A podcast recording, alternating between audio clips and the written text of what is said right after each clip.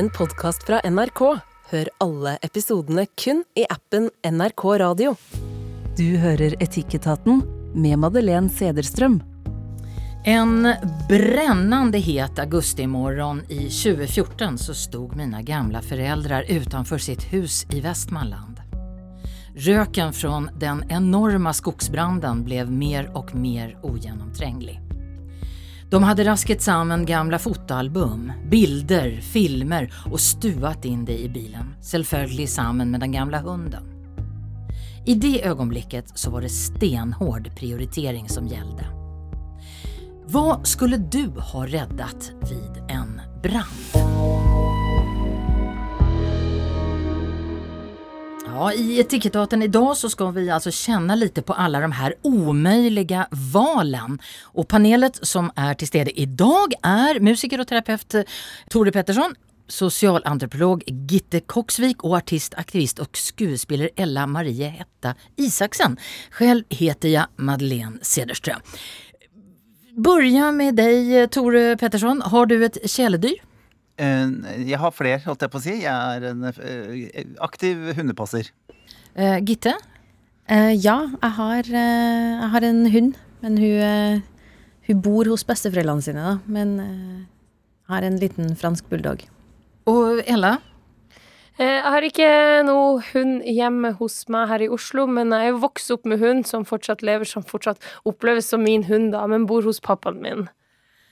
Tänk dig att det börjar att brinna i huset ditt och det enda som är hemma det är ditt källedyr. Hvor langt menar du att brandfolken ska gå för att rädda det? Ja, i en blogg på Hundezonen så ger hundägare Lise oss det här dilemmat. Efter att vi fick oss hund har vi börjat att uroa oss för vad sker egentligen om det skulle börja bränna när vi inte är hjemme? Skall brannmannskapen gå in i brennende hus dersom det bare er en hund der? Vi kan väl börja med deg Ella. Skal brannmannskapen gå in i huset til eh, Lise? Ja, det syns jeg. um, selvfølgelig, eller kanskje ikke selvfølgelig, um, så syns jeg at uh, man ikke skal gå inn dersom det er reell fare for liv, og uh, jeg syns ikke at brannvesenet skal uh, ofre sine liv for en hund, men dersom man ser at det er gode sannsynligheter for at det kan gå bra, og det er en uh, enkel aksjon, holdt jeg på å si, å hente ut en hund, så så, så syns jeg man skal det. Mm. Tore? Ja, jeg er helt enig i det. Eh, Jeg tenker jo det er deres jobb å være flinke på å se om dette er farlig eller ikke. Eh, Og hvis det er fare for liv, så er spørsmålet selvfølgelig nei. Eh, Det er ikke Du gjør det for et barn, og du gjør det for et menneske, men, men du ofrer ikke et liv for en, for en hund. Men jeg tror det er veldig viktig for oss som er glad i hunder, så, så ser vi jo den terapeutiske nytteverdien av dem, og hvor viktig de er for en del folk. Kanskje særlig i en situasjon hvor du har mista huset ditt. Da. Så jeg syns det å strekke seg litt ekstra for at, øh, for at øh, du ikke skal også miste hunden din, som er en del av familien, så øh, sier jeg ja. Gitte? Ja, jeg sier også i utgangspunktet ja her, altså. Jeg er veldig enig med, med Ella Marie her, at det må jo gjøres en vurdering på hvor, hvor farlig det er, på en måte, for, for dem som skal gå inn. Men, eh, men eh, nei, hun, hunder er, viktig, og det er vesener som føler smerte og, og frykt, og det gir mening å skal redde dem. Mm. Ja, och jag kan ju säga då att i brandvärnloven så står det att det är liv som ska räddas och liv definieras som både människor och dyr. Eh, Men då sätter jag panelen lite på pröva. Eh, Vilka andra kjæledyr är det som ska räddas ifrån ett brännande hus? Ella, har du något dyr som du inte skulle ha gått in och räddat? Skadedyr Nei, men jeg har jo vokst opp med både kaniner og hamstere og eh, diverse. Ja, jeg syns det er vanskeligere å gå, gå inn for å redde eh, en rotte eller et pinnedyr enn en hund. Um, ja, det, det må jeg ærlig innrømme. Eh, Og det handler vel også om den tilknytningen mennesker har til en hund, eksempel. At det, det har så mye å si for oss da, når eh, sånne kjæledyr som man har en så en nær tilknytning til, eh, skulle for eksempel gå bort i brann. Jeg tror man ville kjent på en helt sinnssyk skyldfølelse. Mm, men jeg vet ikke om jeg ville gjort det samme med, med mindre og mindre intelligente dyr. Tore, hadde du redda pinnedyret eller gullfisken? Nei, det tror jeg ikke det tror jeg ikke gjort. Jeg tenker For meg så går nok lista på dyr som evner å være glad for at du kommer. Og så på en måte En slange står ikke og vifter med halen, eh, og det er heller ikke en tarantella. Eh, jeg, nå kjenner jeg noen som har et helt absurd nært forhold til sine to kaniner. Eh, vært mye gråt rundt det. Eh, og, og for, for, henne så er det superviktig med de to. Uh, har, ikke, uh, har, ikke, hun, men har liksom de to kaninene som er hele, hele livet hennes. Da. Så jeg tenker For hennes del så tenker jeg jo at det ville vært, uh, vært fint. Men jeg tenker linja mi går på at hvis de kan være glad for å se deg, katt, hund usikker på hvor glad pinnedyret blir når du kommer, kom hjem om kvelden. Men, eh, men, hvis du har pinnedyr som blir innmari glad, så tenker jeg da kan du gi beskjed om det, kanskje. Gitte, eh, sosialantropologen, du får ta filosofens øyne her. Hva er det som gjør at vi rangerer dyrene så her?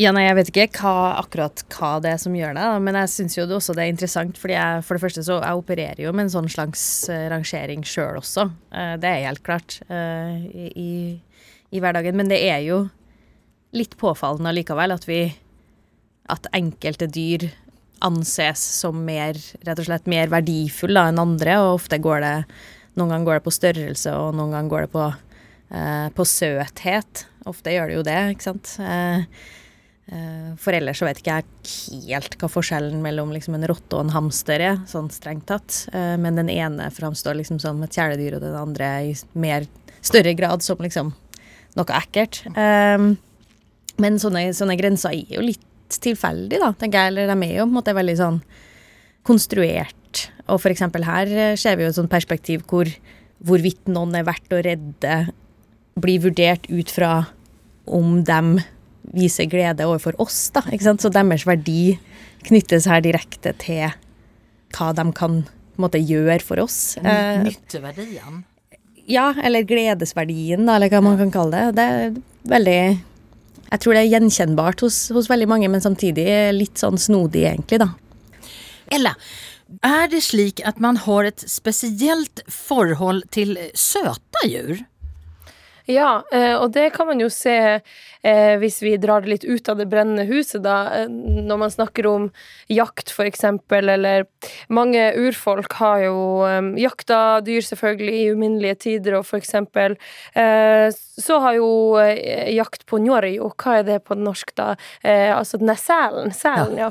Er jo veldig tradisjonell for inuittkultur, og mange er jo imot jakt på for eksempel sel fordi den er så søt. Um, så jeg håper at eh, man kan skille mellom liksom, den rangeringa på kjæledyr, og ikke fortsette med den rangeringa utenfor sitt eget hus, fordi at eh, alle Eh, altså, hva skal man si Dyr Vi lever i et økosystem, og vi trenger eh, all, alle slags dyr, alt fra insekter til eh, svære pattedyr. Um, og ja, og når man rangerer i, i det økosystemet, så syns jeg at akkurat den søtheten og hvem som er penest, burde utgå. ja, um, her finnes det jo en, en kul sak, og det er at noe av det mest intelligente dyret i verden, det er blekkspruten. Tore, uh, hadde du reddet blekkspruten fra det brennende huset? Jeg tipper blekkspruten lever i vann, så jeg tenker at det er noen som klarer seg. Kanskje, da. han blir kokt? Bli, han blir jo kokt, ja. ja det er sant. Det er, sant. Ja. Ja, er, ja, det er en vanskelig, vanskelig spørsmål, eh, det der, altså. Om eh, Nei, jeg tror ikke jeg hadde gjort det. Jeg skal være helt ærlig og si jeg hadde nok ikke løpt inn Eller oppfordret noen Jeg hadde jo ikke løpt inn uansett, men, men oppfordret noen til å løpe inn eh, i et brennende hus for å hente en, eh, en blekksprut. Men det jeg tenkte på, er jo f.eks. kyr. da, Kyr og sau og mm. ting som handler om økonomi, har vi jo ikke vært innom. Og der tenker jeg jo at eh, der er det jo også Det blir jo nok en gang sånn menneskers vinning, da, men sånn er det jo. At, at hvis hele, hele livsgrunnlaget til noen står på, står på spill, så skal vi jo jobbe hardt for det, selvfølgelig. Gitte, jeg må fråga deg, for jeg har nemlig fått et, et brev ifrån Kari Öftshus. hun har skrevet til oss. Och hon säger så här, var blir det av empatin och respekten för de här stora personligheterna med oändliga behov som en hund och en katt är? Och jag tänker på det som Ella sa. Eh, för att Kari skriver att hon studerade veterinärmedicin då eh, i slutet av 60-talet. Och då blev dyren betraktade mera som instrumentella. De, är, de hade inget egenvärde, de hade bara värde för oss människor. Medan man nu med nyare forskning så har man ju funnit ut hur oändelig, eh, rikt själsliv eh, till och med bläckspruten har. Gör det någon forskel i eh, våra tankesätt? Eh, Det utfordrer jo i så tilfelle i hvert fall litt den eh, den veldig sånn menneskesentrerte tankegangen, da, hvor vi på en måte sitter på toppen og, og kan benytte oss av alt og alle andre. Eh, eh, hvis man virkelig skulle ta inn over seg konsekvensene av det, da, så skulle jo det tilsi kanskje at man ja, måtte revurdere en del eh, av de mest instrumentelle praksisene, da, kanskje. Og redde alle dyr? Ja. Eller hva tenker du, skal vi redde alle dyr? Eh, I utgangspunktet tenker jeg jo at uh, du har ikke redda en blekksprut hvis du har tatt den til fangenskap. Altså, jeg er jo veldig imot bare det der at vi mennesker uh, tror at vi eier alt på denne jorda, ikke sant. Det er en stor forskjell på det å ha en blekksprut inne hos seg og det å ha en hund, fordi en hund er et kjæledyr. Den, den har på et eller annet tidspunkt gått fra å være ulv til å være avhengig av mennesker, så vi lever i et sånt partnerskap. Mens har du en, et vilt dyr som du har tatt i fangenskap, så har du utgangspunktet ødelagt eh, livet dens. Eh, og da skal du iallfall ha dårlig samvittighet hvis den brenner inne. Men eh, hvis man tar den her Greta Thunberg-metaforen da om et brennende hus, og at kloden vår brenner og vi tar livet av dyr hver dag, det dør hundrevis av arter hele tida, og det er forferdelig. Og jeg tror at det her er et sunt dilemma alle burde ta inn over seg, fordi at mennesket er veldig god til å sette mennesket i sentrum av, av verden, og, og på toppen av hierarkiet. Tore, eh, jag pratade med en, en del brandmän och, och frågade dem vad de gör i en sån situation. Eh, och då förtäller de att de, viss ägaren är där så spör de ägaren vad vill du ha räddat ifrån huset ditt? Eh, och eh, en- undersökelse säger att cirka eh, två tredjedelar av alla säger att först och främst hunden eller katten eller kärledyret. Men, men vad skulle du ha sagt till brandmannen som stod, det brann hemma hos dig? Vad skulle, du, vad skulle du säga? Gå in och rädda det. Uh, nei, jeg, jeg passer jo mye hunder, da, for jeg er så innmari glad i hunder. Så hadde det vært hund der, så hadde jeg sagt hunden. Selvfølgelig, uten å, uten å blunke. Uh, utenom det så er jeg jo jeg er veldig glad i ting, men jeg er ikke avhengig av tingene mine. Eh, Så jeg tror kanskje det viktigste for meg hadde vært pianoet mitt. Jeg vet ikke, Det er det første som hoppa det, å, det, Men det er veldig tungt, da. Eh, Men, men eh, Nei, det er jo kanskje Jeg vet ikke. Ting som, ting som minner om folk som er borte, kanskje. Bildene mine, kanskje. Jeg tror bildene mine hadde nok vært viktig, viktig for meg. Det er det vel det eneste jeg ikke kan få tak i igjen. De bildene fra 50-, 60- og 70-tallet av besteforeldre og tanter og onkler som ikke er her lenger. Så det tror jeg hadde vært, eh, vært det såreste for meg. Lise, eh, som har skrivit in det här dilemmat, hon avslutar sitt inlägg på bloggen med att alla mina tankar om att Tusse skulle brinna inne, det, det, gjorde, med, det gjorde det att jag sitter hemma och läser till examen idag istället för att gå på skolan, som för säkerhets skull. Väldigt gulligt. Så finns det ett klistermärke som man kan sätta på dörren eller vinduet där man, där man skriver hur många katter och hundar som finns inne. Så Lise, du kan slappa helt av. Brandfolken kommer antagligen att försöka rädda Tussa och Misse och kanske pinnedyret dit. Men dra ut kontakterna och sluck lysen eh, så får du gå hemifrån. Eh, och nu ska vi äntligen slippa Fangen är fri! Det är nämligen vår snart. Du hör på Etikettaten, programmet med spörsmål utan några svar med streker under. Och i panelet idag är det musiker och terapeut Tore Pettersson, eh, Gitte Koksvik och sangeraktivist, författare Ella Maria, Ella, Ella Marie Hetta Isaksen. Det klør, det strammer, det gnager seg inn i huden og det er det første plagget som vi damer driver av oss når vi kommer hjem fra jobb. Yes, du eh, har helt gjettet helt riktigt. Vi snakker om bhn. Och så brente vi dem på 70-talet och så jammen åkte de på på 80-talet igen. Varför det? Varför? Ja. Julie skriver til etikettaten eh, krøllalfa nrk.no. Jeg er født med små bryster, men har likevel hele mitt liv påtvunget meg selv å gå med bh. For det visstnok er uanstendig å gå uten. Nå har jeg begynt å bli veldig irritert på det her, for hvorfor skal jeg tvinges å gå med et plagg som jeg syns er ubehagelig, fordi andre ikke tåler å se brystvorter gjennom gensen? Hva er det som er så støtende? Kan jeg få lov å slippe å ha bh? Og kan vi endre samfunnet i stedet? Eh, Ella, ditt forhold til bh? Ja, jeg går med det da. Ehm, av og til ikke. Har eh, litt mixed emotions. Har eh, av og til når jeg droppa BH-en, følt at eh, nei, nå er jeg litt naken, og jeg er litt sånn aldri naken-type person.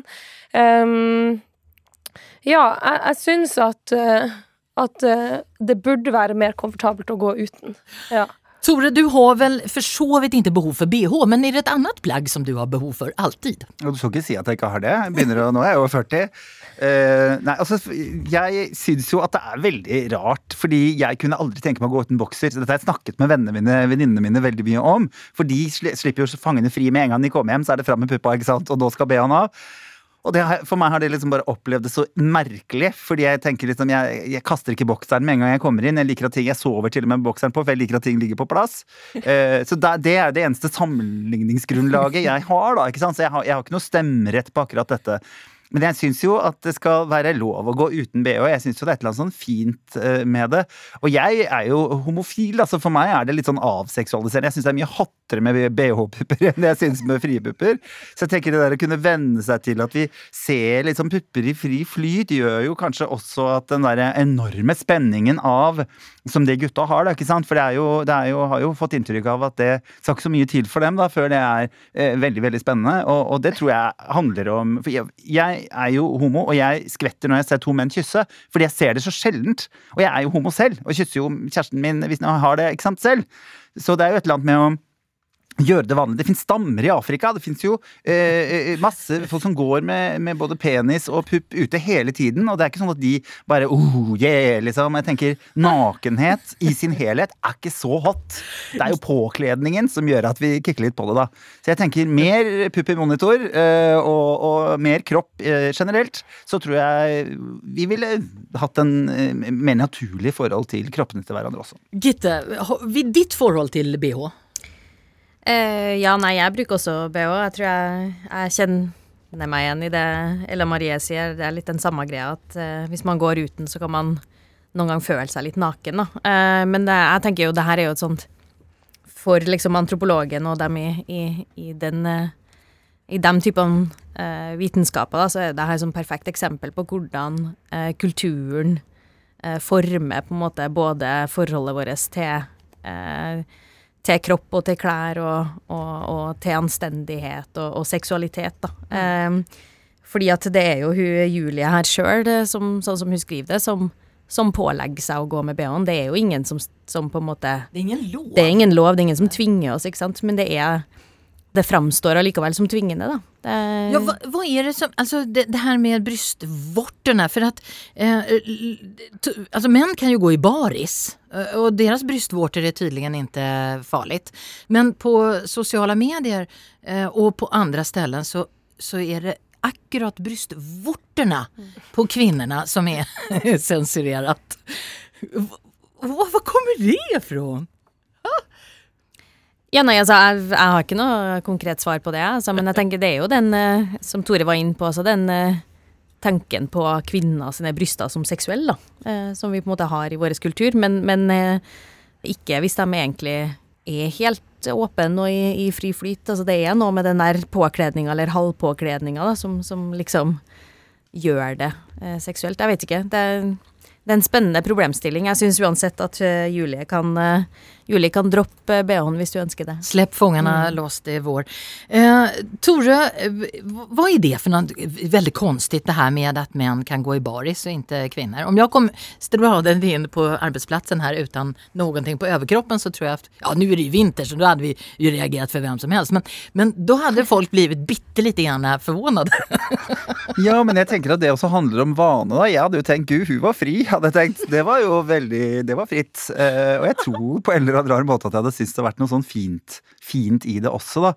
Vi skaper jo et problem selv, tenker jeg, med all påkledningen. Vi gjør jo ting eh, spennende. Vi gjør jo ting eh, sexy. Jeg tenker jo en, en, brystholder er jo også et, eh, en maktdemonstrasjon på en eller annen måte. Jeg som mann har jo ikke noe jeg kan ta på meg som bare får alle til å slutte å snakke og ikke klarer å kommunisere. Og jeg syns det er et eller annet sånn vakkert og fint med å kunne bruke det til noe som er positivt også. Og så tenker jeg når du har lyst til å ta den av, så, så skal du gjøre det. Så skal vi respektere det, og så skal vi venne oss til det. da, Og da tenker jeg da trenger vi sånne folk som, som Cecilie, som, som starter, staker ut her nå og som vender nabolaget til at det er greit. Og så er jeg ganske sikker på at flere damer i nabolaget kommer til å kaste seg på og tenke det der så deilig ut. Jeg har alltid fundert på hvorfor den åkte på igjen. Altså, for vi, vi tok jo av den på 70-tallet. Eh, och, och, och, massor med, jag är ju så pass gammal att det finns massor med fotografier av mig från 70 och 80-talet när jag började bli tonåring. Och mina barn tycker att det är pinsamt när vi bläddrar då för, för att there are nipples där. Så, så, och det är väldigt rart, vad, är, vad var det som gjorde att den åkte på igen? Gitte, har du någon förklaring? Socialantropologen her, du får svara på alle svåra spörsmål. ja, nei, nej, det det er jo bare kulturelt ofte, det her, da. Ikke sant? Mm. Altså, det finnes jo ikke noe eh, fra, fra, mitt sånn faglige perspektiv så finnes det jo ikke egentlig noe naturlig forhold til kroppen, fordi menneskekroppen eh, eh, selv om på en måte den fødes likeens overalt, så har vi jo alle kulturer og alle steder bruker jo den til å på en måte uttrykke uttrykke kulturens verdier eller, eller skjønnhetsidealer osv. gjennom påkledning og piercinger og, kutt, og skjæring og, og maling osv. Så, videre. så liksom så sånne ting eh, kan på en måte forandre seg. Um, så skal man jo ikke heller undervurdere, uten at jeg egentlig vet det her i det her tilfellet, men så skal man jo ikke undervurdere markedskapitalismen heller, da. At det kanskje er noen, eh, noen, eh, noen som har tenkt at her går det an å tjene penger på at, på at den kommer på igjen, da. For det er klart at Og det vet mange kvinner også, at den Særlig hvis man skal ha en, en, god bh i form av at den skal være funksjonell, eller at den skal måtte, se veldig pen ut, så må man opp litt i pris, da. Så det er nok eh, det er noen som har noen økonomiske interesser i det også. Mm. Eller og, Tore, har ni noen eh, forklaringer på hvorfor bhn åkte på på 80-tallet? Eller slutet av 80-tallet, var det? Nei, min, min, mitt beste Min beste gjetning er jo at, um, at uh, ja, det, det, forekommer bevegelser i samfunnet hele tida, at det var en slags motreaksjon til kanskje hippiebevegelsen og uh, de frie kvinnene som uh, noen ikke likte så godt, at det ble litt for fritt og litt for assosiert med andre typer ting som man ikke ville ha, jeg vet ikke, mm, hasj og dop og ting og tang, at liksom da, nei da, det, det måtte vi slutte med. Jeg vet ikke. Og så tror jeg det som eh, det nevnes her, at, eh, at altså kapitalen bestemmer jo mye her, og det er jo ikke bare det at det koster mye med BH, men, men også som vi er inne på med, med seksualisering, at det, det, er jo mange som tjener penger på at kvinner sin kropp blir seksualisert, og den blir jo på en måte seksualisert ved å dekke til bryst. Ja. Mm. Tore, har du noen god forklaring på Muren faller altså 1989, BH-en åker på? Ja, øh, jeg ja, Som gammel stylist og makepartist så så eh, vet jeg jo at dette her handler også veldig mye om trend. Eh, det handler om form, ikke sant. Man fikk en, eh, som man også hadde på 50-tallet, at man hadde mm. denne, denne, mm, klokkeformen ikke sant, som enhver kvinne skulle ha. Og kvinner skulle sitte på et spesielt sted. Jeg tror kanskje Barbie hadde også litt med dette å gjøre, hvor, hvor puppene skulle være på kroppen. da. Og så handlet det om å prøve å treffe et ideal, ikke sant. Og det er jo, det tenker jeg er en, en, en dom og, og, som kvinner har lagt på seg selv. Da, det der å ha et sånt helt umenneskelig eh, syn på hvordan enhver kropp skal se ut, som jeg er veldig imot. da. Så jeg tror jeg nok også det ligger mye i, i penger her. Også, også noen lager et, et eh, Det sitter jo en liten gjeng faktisk med folk eh, som, som, bestemmer hva som skal være trendy til neste år og til året etter der, og de vet sikkert fem år frem i tid. Og da vet vi om BH-en skal av eller på, og da vet vi hva som skal tas på før eh, når når BH-en tas av igjen. Så jeg tror det går litt sånn opp og ned her, men, men jeg tror det handler om form, altså. Och så har vi ju bedrivit lite research förstås i redaktionen. Eh, Alden för når jenter och bruke BH blir nämligen lavre og lavre og genomsnittsaldern, eh, håll i er nu, är 11 år. Idag så får man tag i BH eh, helt ner til sjuårsåldern oh! och i bikiniöverdel til baddräkt fyra år. Ja, Ella, kommentar? Ja, det er jo ubehagelig å tenke på da, at det er noen Eh, på toppen av kapitalkreftene som sitter og tenker på at de skal kapitalisere på at fireåringer skal dekke til sine helt utvikla bryster. Jeg syns det er nasty, ass. Tore? Her hopper jo terapeuten i meg fram, da, fordi vi eh, har jo på en måte vokst opp i en, en tid hvor vi liker barn best når de er som voksne de har på en måte bare blitt presset inn til at nei, vi liker deg best når du er som en voksen, og da tar vi jo betalingen også for det. Og det syns jeg er synd. La barn være barn, la ungdom være ungdom. Det er mer enn nok voksentid å ta av. Ja, det, det, må jo til kjøpere for å kjøpe en bikinioverdel til en fireåring, så det, vi kan jo gå inn der. Gitte, hva, hva tenker du om det her? Stille meg bak den og la barn eh, få være barn, og, og, og ikke på en måte presse dem inn i en sånn liten kvinneform, på en måte. Nei. Vi eh, konkluderar Julie med at eh, du kan droppa bhn. Det, har, det, det stämmer va? Eller, tror ja, ja, ja. Dropp bhn men behold blusen på kanskje? Eller? Det kan være eh, greit. Enn så lenge. Enn så lenge. Behold blusen på. Neste dilemma ut. Skal Espen flytte tilbake til hjembygda si? Musiker og uh, terapeut Tore Petterson, har du et sted i ditt hjerte? Ja. Var? Eh, no, Grünerløkka. Ok. Sosialantropolog Gitte Koksvik, har du? Ja, jeg har vel det. I Narvik og eh, på Sunndalsøra. Ella, det er nesten, eh, det er nesten dumt å spørre deg, men hvilket sted er det som er i ditt hjerte? Ja, det er vel først og fremst Jæren eller Tana og Gårdgein og Kautokeino. Mm. Tanaelven. Å, ja. Vi har altså med oss eh, då eh, aktivist og författare Ella Marie Hetta Isaksen och og artist.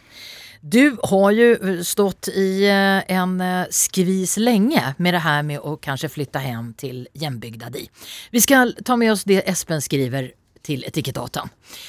Hej, jag är utflytter från en liten bygd och nu bor jag i byn med man och barn och här har vi det väldigt bra. Men de sista åren så har jag följt på en märklig samvittighet för jämbygda.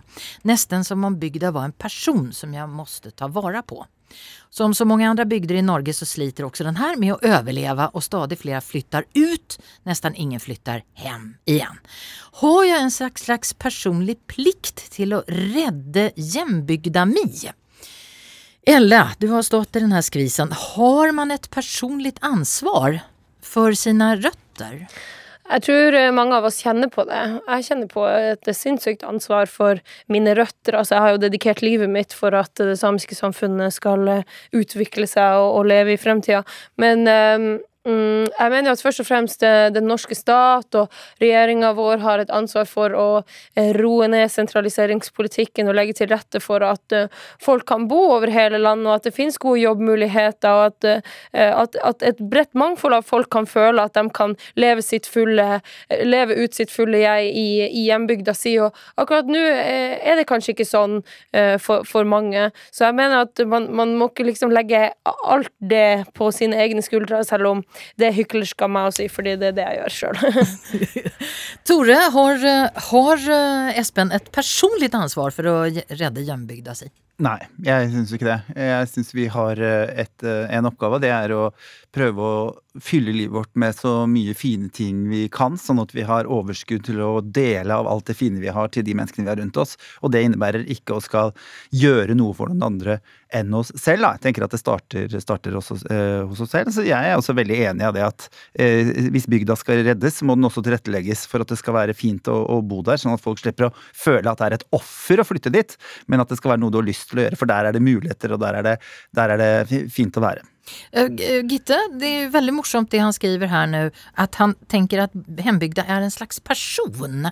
Uh, kan du filosofere litt over det?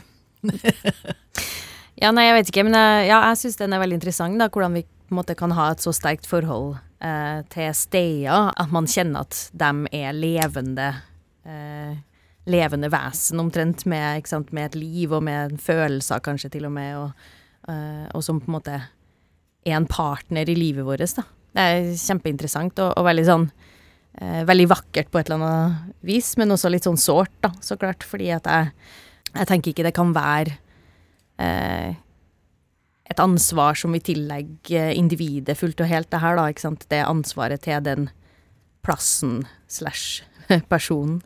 Ehm. Nej, det, det, det, kan det kanske inte vara, men samtidigt, det är ju ganska mycket begärt att tänka sig då att eh, Tores eh, Grünerlöcka ska kunna eh, vara, eh, att Ella ska få Tores Grünerlöcka upp till Tanaälven. Dit kommer vi så, så hur mycket kan man tillrättalägga och hur mycket är det egna ansvaret?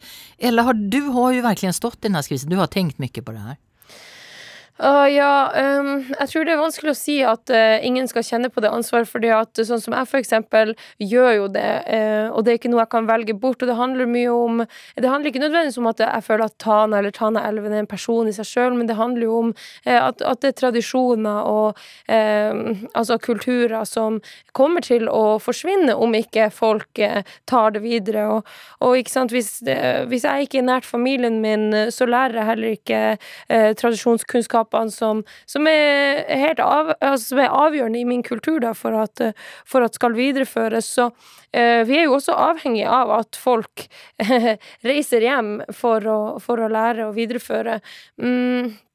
Og så syns jeg jo at eh, at nei, jeg får ikke Grünerløkka i Tana, jeg får veldig mye annet i, i Tana, og man kan ikke få alt eh, eh til samme sted, men, men selvfølgelig så, så, så syns jeg kommuner fylker eh, og, og, på statlig nivå så har man et ansvar for å tilrettelegge um, ja, for eksempel at, at reiseruter er, er bedre enn en det det er i Nord-Norge nå. For eksempel så er det svindyrt å reise rundt, og man har ingen andre alternativer enn fly. Eh, og um, ja. Det, det, er liksom ett et eksempel på hvordan ja, man bør tilrettelegge for at det er lettere å bo hjemme, fordi at det er vanskelig for mange av oss å stå i den skvisen og, og føle at man aldri er helt hjemme. Tore, finnes det en bygd du kunne ha tenkt deg å flytte til, foruten Grünerløkka? Nei. Eh, det er det enkle svaret på det. Eh, Men jeg, jeg, reiser jo mye i Norge. Jeg, jo, jeg, jobber jo som foredragsholder og har gjort det i mange mange år. Jeg tror jeg har besøkt de aller fleste bitte små steder i dette landet her i løpet av de syv årene. Um, og nei, jeg, det, er ikke, det, er ikke, det Og jeg syns ikke det er uh, Jeg opplever at det er vanskelig å være homo der. Jeg opplever at det er vanskelig å være innvandrer der. Jeg, skjønner, jeg opplever at det er eh, Og nå, nå, tar jeg veldig mange over én kam, det er jeg fullstendig klar over. Men det er en sånn gjengs over over greia, og ofte så tenker jeg når jeg møter mennesker med en sånn enorm livsnivå, så tenker jeg kjære vene, kan du ikke bli med på Grünerløkka? Eh, du har så mye i deg som, som, du ikke får muligheten til å spille ut her, da. Og jeg tenker at alle steder i Norge skal ha de samme mulighetene eh, som jeg syns er viktig. Og, men, men, jeg er jo fra Lier, det er jo et lite sted, det er ikke så forferdelig langt unna. Eh, men jeg stiller jo opp for, for, bygda mi. Det er viktig for meg å være innom der og ha konserter. Det er viktig for meg å gå innom der og holde foredrag og jobbe videre med det arbeidet. Jeg opplevde jo en enorm mobbehistorie der, ikke sant? så for meg er det viktig at det ikke er noe som fortsetter i den bygda jeg kommer fra. Så det er klart at hjertet mitt er jo en del av der jeg kommer ifra. Det vil det alltid være. Fins det et egenverdi med bygda?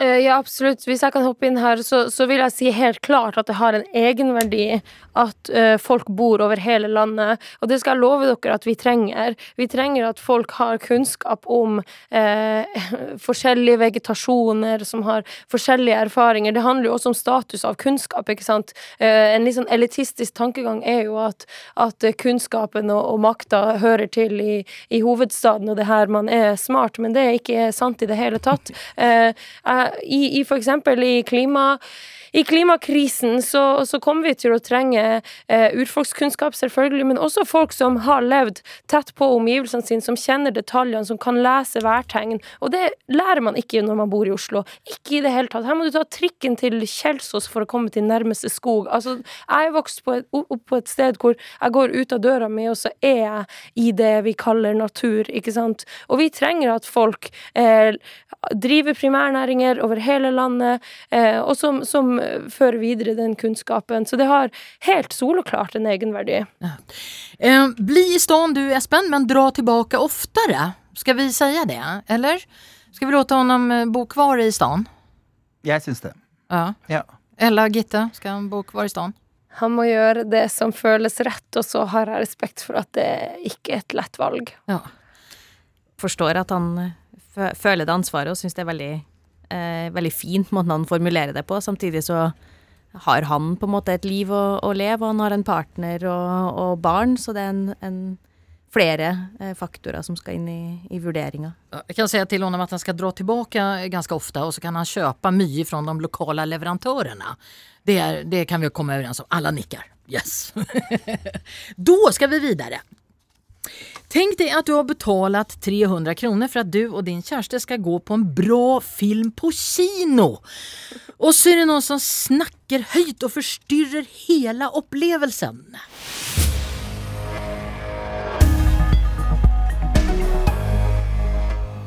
Musiker og terapeut eh, Tore Pettersson, eh, sosialentreprenør Gitte Koksvik og artistaktivist og forfatter Ella Maria Hetta Isaksen her i Etikettaten, NRKs lilla filosofiske hjørne. Jeg heter Madeleine Cederström og har vi med en gjeng kinogjengere å gjøre. Ella, du er jo aktuell for veldig mye, men også som skuespiller. Går du ofte på kino selv? Ja, jeg gjør det også, men uh, har blitt litt lite av det i det siste. Um, av, av, flere grunner. Men uh, noe av den uh, ja, mest intense kinoopplevelsen jeg hadde, er jo å sitte og se på min egen film. Ja. Og da blir man veldig var på hvordan folk oppfører seg rundt seg. det kan jeg tenke meg. Tore, går du ofte på kino? Nei, det gjør jeg ikke. og det gjør jeg for jeg syns folk ler på feil sted og bråker altfor mye. og, så vil, og, så vil, du sette på pause iblant, ja, eller? Ja, det er sånn at jeg må alltid på do da når jeg ikke kan. Så jeg irriterer meg over at jeg går glipp av filmen fordi jeg må gå og tisse. Så jeg liker å være hjemme, så jeg kan pause på knappen. Gitte? Eh, Altfor lite etter, eh, etter eh, korona, egentlig. Men, ja. Men, liker egentlig veldig godt å gå på kino.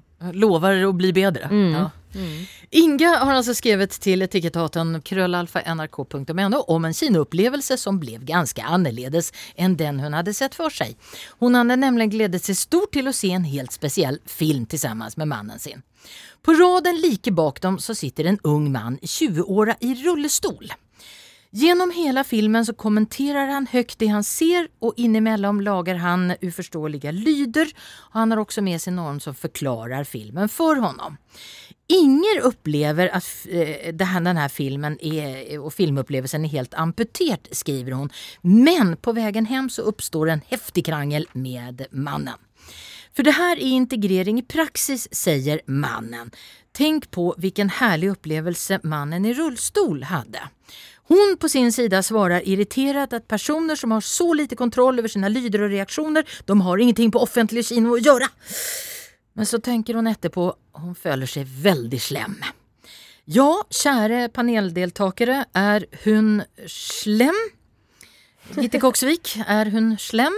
Jeg har veldig forståelse for at det ble en dårlig kinoopplevelse og at det var kjempekjipt når man har gleda seg eh, til noe, og man har på en måte ordna seg en tur ut, og det koster penger, og det er kanskje liksom logistikk omkring det, ikke sant, og, og, og det å se en, eh, som hun sier, en helt spesiell film, ikke sant, når man har skjedd fram til. Det er mye følelser involvert, kanskje. Eh, jeg vet jo ikke hva slags film det var.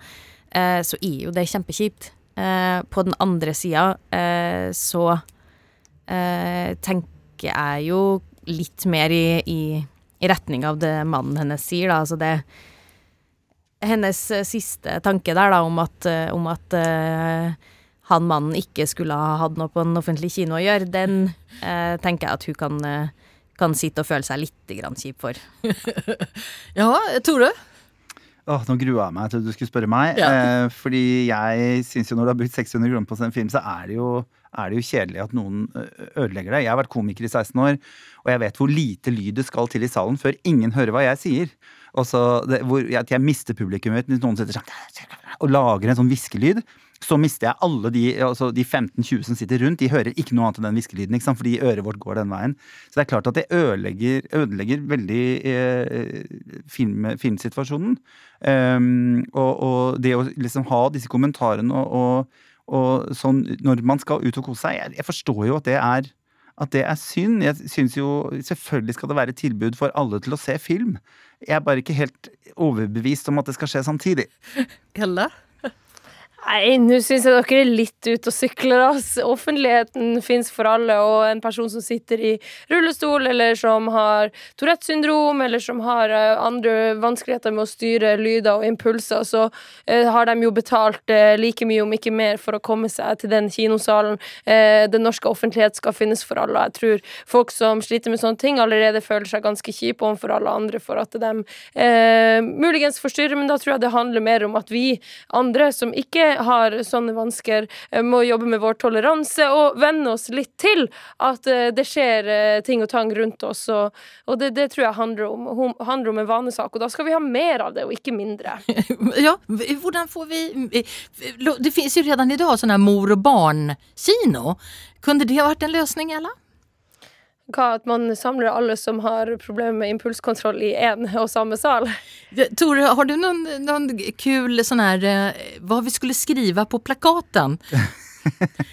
Mor og barnkino går an, men hva, hva skulle, hur skulle du formulert dig?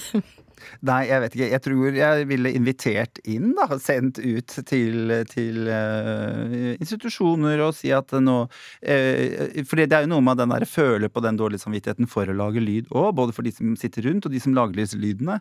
Som kunne sikkert føltes at det var en mer avslappet eh, situasjon for de. Så jeg tenker, jeg skal ikke bare si at det liksom er, er jeg som er kjip på det, at det kan også være en ubehagelig opplevelse for dem. Men hvordan vi skal løse dette her, syns jeg er et kjempe, kjempevanskelig vanskelig spørsmål. Og, og jeg vet ikke hvor mye mer jeg tør å si, egentlig, men, men eh, jeg tenker jo at hvis det kunne vært fint, og hvis det er ønsket, så skal vi gjøre det. Ja, Gitte, det finns ju stillavogner på, på tåget. Kunde vi haft stillekino till exempel? Stillekino kunne man jo godt ha hatt, da, tenker jeg. Eh, Det, det altså en ekstravisning her og der hvor det virkelig ikke er lov til å snakke, eh. Eh, Det kan man jo ha uten å diskriminere mot noen, hvis det ikke går på bekostning av de øvrige eh, visningene. Men så er det jo noe her også med nettopp det at man skal ha tilgang til eh, offentligheten i, i, i anførselstegn, altså den Å ikke leve et liv som er helt separert fra gåseøyne normal Mm. eh, Normale tjenester, da. Altså at man ikke bare skal skippes i, i, i rundt og gå på egne, egne arrangement og sånn. Så, så jeg tenker Ja, jeg tenker jo at eh, han mannen som det snakkes om her i, av innskriveren, skal få uh, være på kino, jeg, da. Mm. Uh, dersom han ønsker det. Uh. Eller har du noen grense for hvilke som ikke skal være på kino? Nei, det finnes ingen grense. Eh, det skal ikke finnes det heller. Og um, jeg tror en sånn å lage stillekino eh, i, i, praksis så er det jo diskriminerende for dem som ikke uh, fysisk uh, kan være stille gjennom to timer. Da. Og jeg tenker det kan føles litt ekskluderende også for f.eks. bare min kjæreste, da, som jeg går mest på kino med, som har ADHD. At, uh, at selv om han klarer å liksom være stille, så, så, så, er han også mye mer aktiv og, og, lager mer ut av seg og knasker høyere med chipsen og, og potetgullen og popkornet enn det, enn det mm, andre kanskje gjør.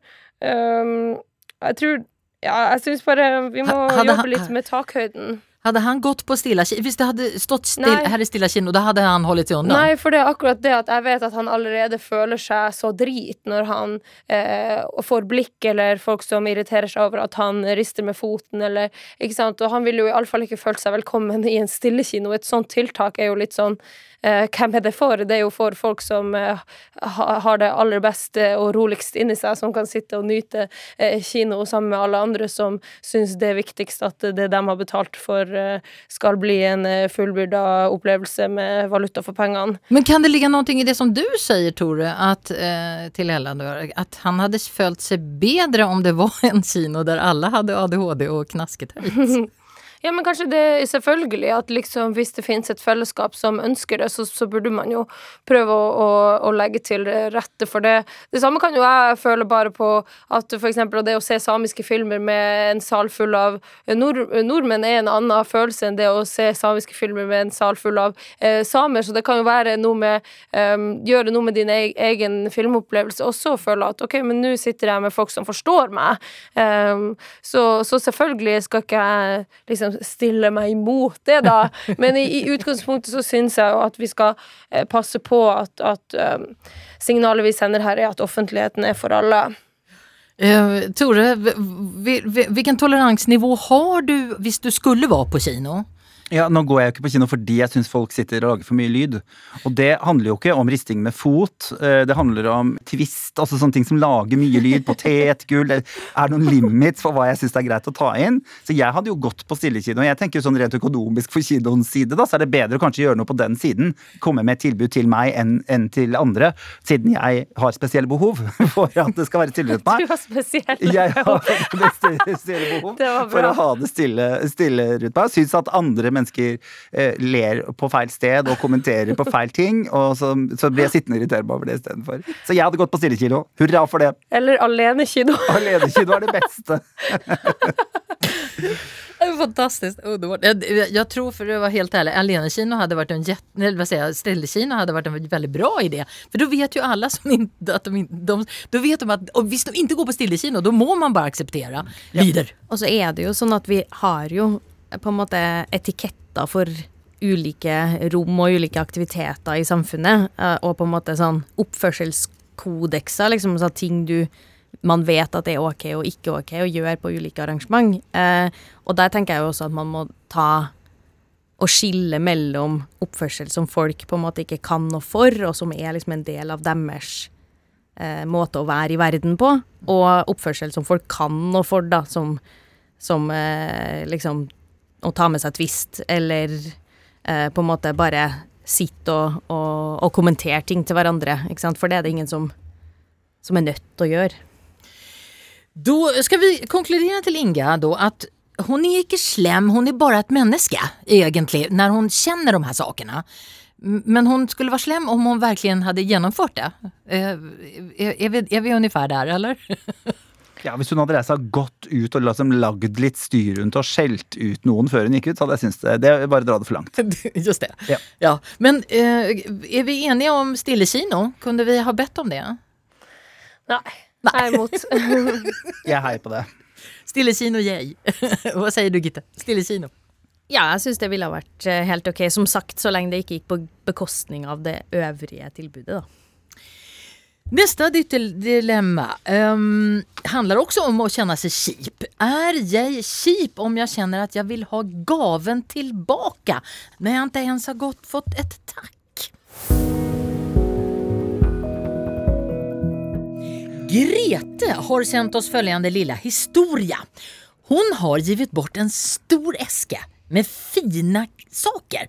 Sällskapskläder, kostymer, perukker og annet som er kjempefint. Og det har hun givet til den lokale kulturskolen. Og så var det en person derifrån som kom og hentet esken. Hun var ikke selv til stede. Og så ble det dørgende stille etterpå. Inget takk, inga kommentarer, ingenting. Og det her var så fine ting at hun hadde ventet seg noen slags reaksjon. Og nå i ettertid så har hun til og med fundert på å be om å få klærne tilbake, bare for å få en reaksjon. Og så lurer hun på er jeg veldig kjip og smålig da? Tore eh, Pettersson, som er eh, musiker og terapeut, eh, hvordan er det du på gavefronten? Eh, angrer du ofte på gaver du gir bort? Nei, det gjør jeg ikke. Men jeg syns aldri jeg får så mye takt som det jeg syns jeg burde få. Fordi jeg syns jeg er så god på å kjøpe gaver. Så det er klart at uh, de klarer aldri å nå opp til det jeg syns det fortjener. Men når det er sagt, så er jo bekreftende ord et kjærlighetsspråk. Jeg er veldig opptatt av kjærlighetsspråk, da. Det er et av mine kjærlighetsspråk. Jeg liker at folk sier at jeg er flink og ser fin ut. og og, så, og, og, det er klart at um, Og det handler om at det uh, fikk jeg ikke så mye som barn, da. ikke sant? Så, så, så, men jeg har, gitt, jeg har, gitt, litt sånn opp uh, å få så mye som jeg syns at jeg fortjener. Men jeg har blitt veldig flink til å gi det til meg sjøl.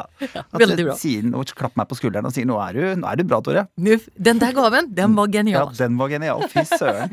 Ella, hvordan er du på gavefronten? Eh, angrer du ofte på gaver du har gitt bort? uh, nei, jeg liker å gi gaver. Jeg føler ofte at det er en lett måte for folk som er litt uh, travle, da, på Hvis man ikke får til kvalitetstid hele tiden, og liksom gi, gi en gave og, og, og, og, liksom for å minne folk på at man er, man er glad i dem. Uh, kanskje jeg kjenner meg litt igjen i hvis det har vært noe veldig dyrt, eller, eller hvis jeg har brukt mye tid, ikke nødvendigvis på en fysisk gave, men hvis jeg inviterer til et eller annet, eller, og, jeg føler at liksom nå har jeg virkelig liksom gitt en stor innsats her.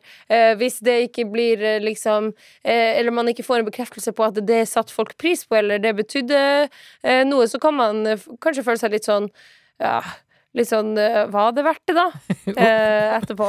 Kunne, de, de, kunne ha fått et lypsyl. Nei. For eksempel. Gitte, eh, angrer du ofte på gaver som du har gitt bort?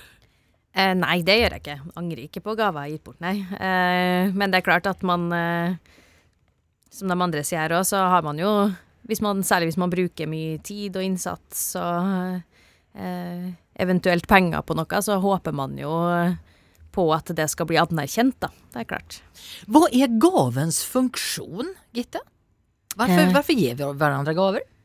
Ja, eh, det har jo i hvert fall blitt analysert som noe som skal skape, eh, skape sosiale bånd, da, ikke sant. Det skaper en sånn eh, Eh, hvis du sier det litt sånn eh, litt stygt, kanskje. Altså, hvis man får en gave, så skylder man en gave tilbake. Eh, altså Det skaper liksom den gjensidigheten, da. At liksom At man står i, eh, i gjeld til hverandre, men, eh, men kanskje ikke ja, Gjeld høres litt negativt ut, men at eh, Ja. Man forventer seg noe mm. tilbake. Mm. Mm. Vi sier noe gjennom å gi en gave. Eller ja. hur? Ja. ja. ja, det tenker jeg jo. Altså, man eh, sier jo blant annet sant, at man bryr seg, eller at man tenker på den personen. Eh, eh, men så kan man jo også sikkert bruke det for å på en måte egentlig mer hevde seg sjøl, da, og liksom se hvor snill jeg er, eller se hvor sjenerøs jeg er, ikke sant. At man gjør det mer som en sånn performance da, av, av liksom hvor, hvor stor man sjøl er. Det, det, kan man sikkert gjøre. Da, da er da begynner vi kanskje å gå i grensene på hva liksom Er det fremdeles en gave, da? Altså, da ja. Vi skal tilbake til Grete, fordi hun har altså eh, gitt bort masse med fine ting. Har ni forståelse for at hun eh, kjenner seg besviken? Og, og fins det en måte for henne å avtvinge en slags takk? For jeg tror ikke hun vil ha gaven tilbake, hun vil bare ha takk. Kan vi, kan vi gi henne noen råd på hvordan hun skal hinte her? Um, Eh, jeg tror det her kan være sammenlignbart til mange andre situasjoner der man føler at man har gitt mer enn man får tilbake. Og eh, jeg tror man gjør seg sjøl en tjeneste ved å eh, prøve å finne forsoninga i seg sjøl. Altså For det å, å, gå til noen som har svikta deg, da, i dette tilfellet ikke sagt takk for noe du følte var veldig stort, så kan man gjøre seg sjøl veldig sårbar ved å, ved å, be om en takk. Og da kan man også oppleve det å bli svikta igjen, og det kan, det kan føles enda enda vondere enn det det i utgangspunktet var. Så det å prøve å finne forsoninga i seg sjøl med at eh, nei, jeg var raus, jeg var snill som, som, ga det her, det betydde mye for meg, eh, og, og, la det være på en måte følelsen som du skal sitte igjen med, da. Tore, har du noen hintingstips til Grete? Hva skal hun gjøre? Jeg er ikke noe mindre smålig enn at jeg ville sendt en mail. Jeg har bare sørget bare for å høre om ting var kommet på plass. Jeg tror det faktisk Så smålig kan jeg være.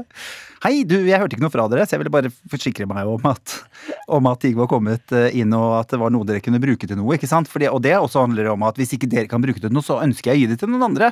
Um, fordi for meg er det, er det mye vart. Det, der tenker jeg det er noe litt viktig her. at er det viktig, Hvor viktig er dette for dem, og hvor viktig er det for henne? Jeg tenker jo her at Grete syns at disse tingene kanskje er hakket mer fine enn noen andre ville synes. Uh, og at gleden av å gi skal være hovedgreia. Men jeg, men jeg hadde sendt en melding og sagt sånn Hei, jeg lurte på var det noe dere kunne bruke? Var det noe oppi her som dere syntes var eh, fint? Jeg tenkte jo at dere som driver med det, kanskje sikkert trengte sånt og trengte, syns det er fint å kunne Det, går, det finnes så mange måter å pakke det inn på. Så kan man få sånn Ja, det gjorde vi. Det var så mye fine ting. Tusen, tusen hjertelig takk. Ville alle, i hvert fall normalt oppgående folk, skrevet tilbake da. Ja. Uansett hva det var. Det er sant. Det kan jo hende at det var et eller annet eh, Det har, det har vært litt travelt, og de ikke har rukket bare å, å, å, takke. Så det er en liten sånn påminnelse. Kan jo være fint for dem også å få. Ja, det kan være en random fyr som ble sendt, og han kan ha satt den i en eske inne på et lager hvor de ikke har vært inne og titta engang. Den bare står på kostymelageret. Så kanskje det er fint å minne de på sånn. Har du vært inne og titta på det? Det hadde vært hyggelig å høre om det var noe dere kunne bruke. Veldig bra. Grete, så da skriv en mail eh, og formulerer deg litt grann som, eh, som Tore og Ella funderer på her. Og ellers forson deg, er vel det som vi skal si, eller? Ja. Finn glede i å gi. Det var nok. Kära dere, takk så mye for at ni var her. Eh, vi skal eh, alldeles strax avsluta härifrån i Teckentaten.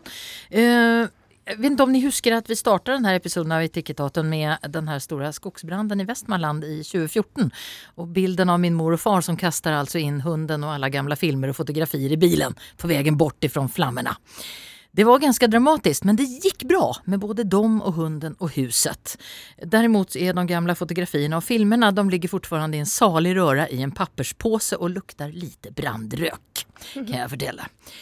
Tusen takk til Etiketatens paneldeltakere i dag. Musiker og uh, terapeut Tore Petterson, uh, sosialantropolog uh, Gitte Koksvik og aktivist, sanger og forfatter Ella Marie Hetta Isaksen.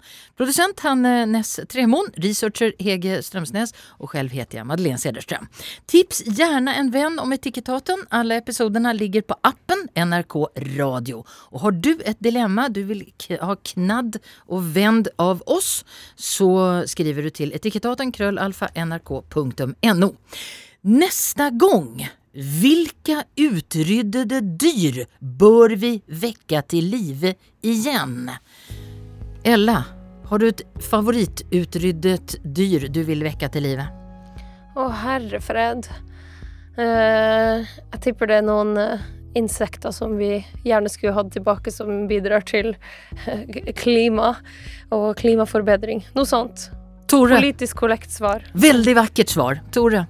Ja, jeg syns jo det er viktig å ta vare på reven. Jeg syns det er viktig å ta vare på uh, biene og de dyrene. Jeg er helt enig i det. Og det er kanskje det aller, aller, aller viktigste akkurat nå. De er så små at vi legger ikke merke til det at de er borte nesten, og syns sommeren blir bare bedre og bedre uten stikk. Men der er det sjukt mye viktig arbeid som kan legges inn. Så et, en annen insekt som vi har utrotet, den bør tilbake. Ja. Utryddet, heter det. Ja. Gitte, har du et favorittdyr du vil ha tilbake som vi har ryddet ut? Eh, ikke som jeg har tenkt på, men jeg tror jeg må stille meg bak uh, insekts, uh, insektsvaret. Altså. flere insekter? Ja, flere insekter. Selv om jeg ikke liker dem så godt personlig. Jeg tenkte mammut eller dront eller noe sånt der. Men insekter, altså! Etikettaten er enige. Vi hørs! Du har hørt en podkast fra NRK. Hør alle episodene kun i appen NRK Radio.